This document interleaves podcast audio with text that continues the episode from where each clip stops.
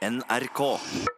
I starten av januar skrev finske Sanna Saroma om at du syns det virker som at nordmenn kappes i å sørge.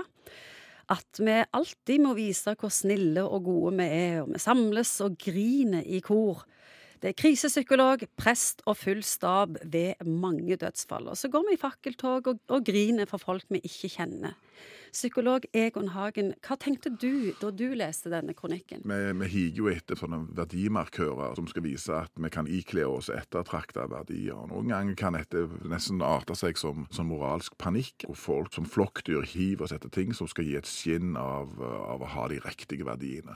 Og det kan jo, altså sånn flokkmentalitet når alle går i takt og alle skal liksom kokettere med å være like gode og snille, er litt sånn Jeg vet ikke, det er ikke helt noe for meg iallfall. Prest, krisestab, åpne skoler når folk dør.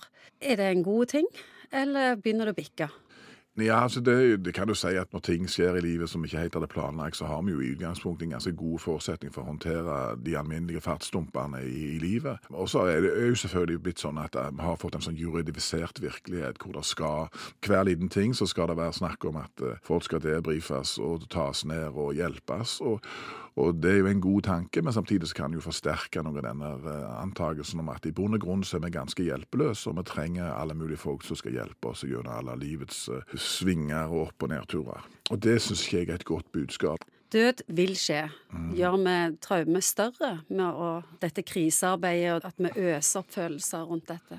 Ja, altså, Det er jo litt sånn at eh, Nå har kanskje sosiale medier tatt over mye av disse tingene. Fordi at vi jakter etter ritualer vi jakter etter måter å markere overganger i livet på. Og, og klart at Akkurat det der knytta til død, det er jo substansielle ting som rokker med de fleste av oss.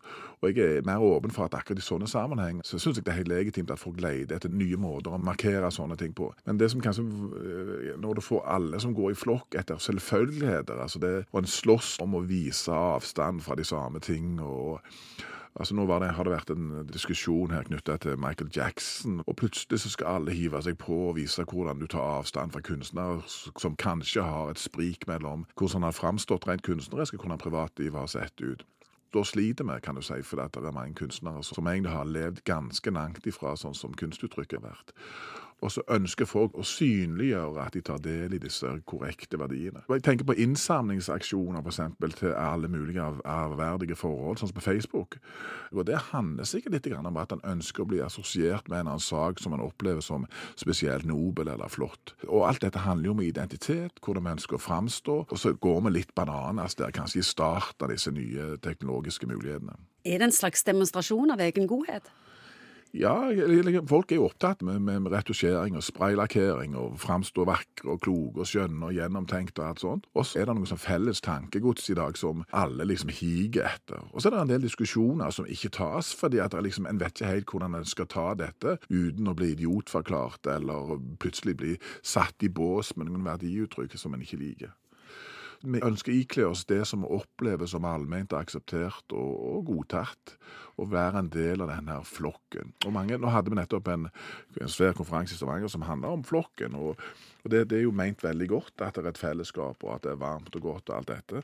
Men så er det jo noen eh, av oss som syns kanskje at det hele det flokkbegrepet kan egentlig bli litt klamt. og Jeg husker den der filmen med 'Meaning of Life' med disse uh, britiske komikerne. Så sier han Brian der at husk at dere trenger ikke følge noen leder, dere er alle individer.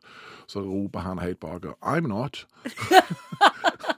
Dere er alle individualister, og så skriker han at det er faktisk ikke jeg. Og det er jo litt herlig, egentlig. For det er jo en miks, på en måte, at hvis du får for mye flokktenkning, og alle går i higer etter de samme tingene, så kan det jo bli litt sånn for dum, litt dumt. Så vi trenger jo litt disse små, stae jævlene som sier ikke tale om, altså. Jeg, jeg går med litt min egen vei. NRK.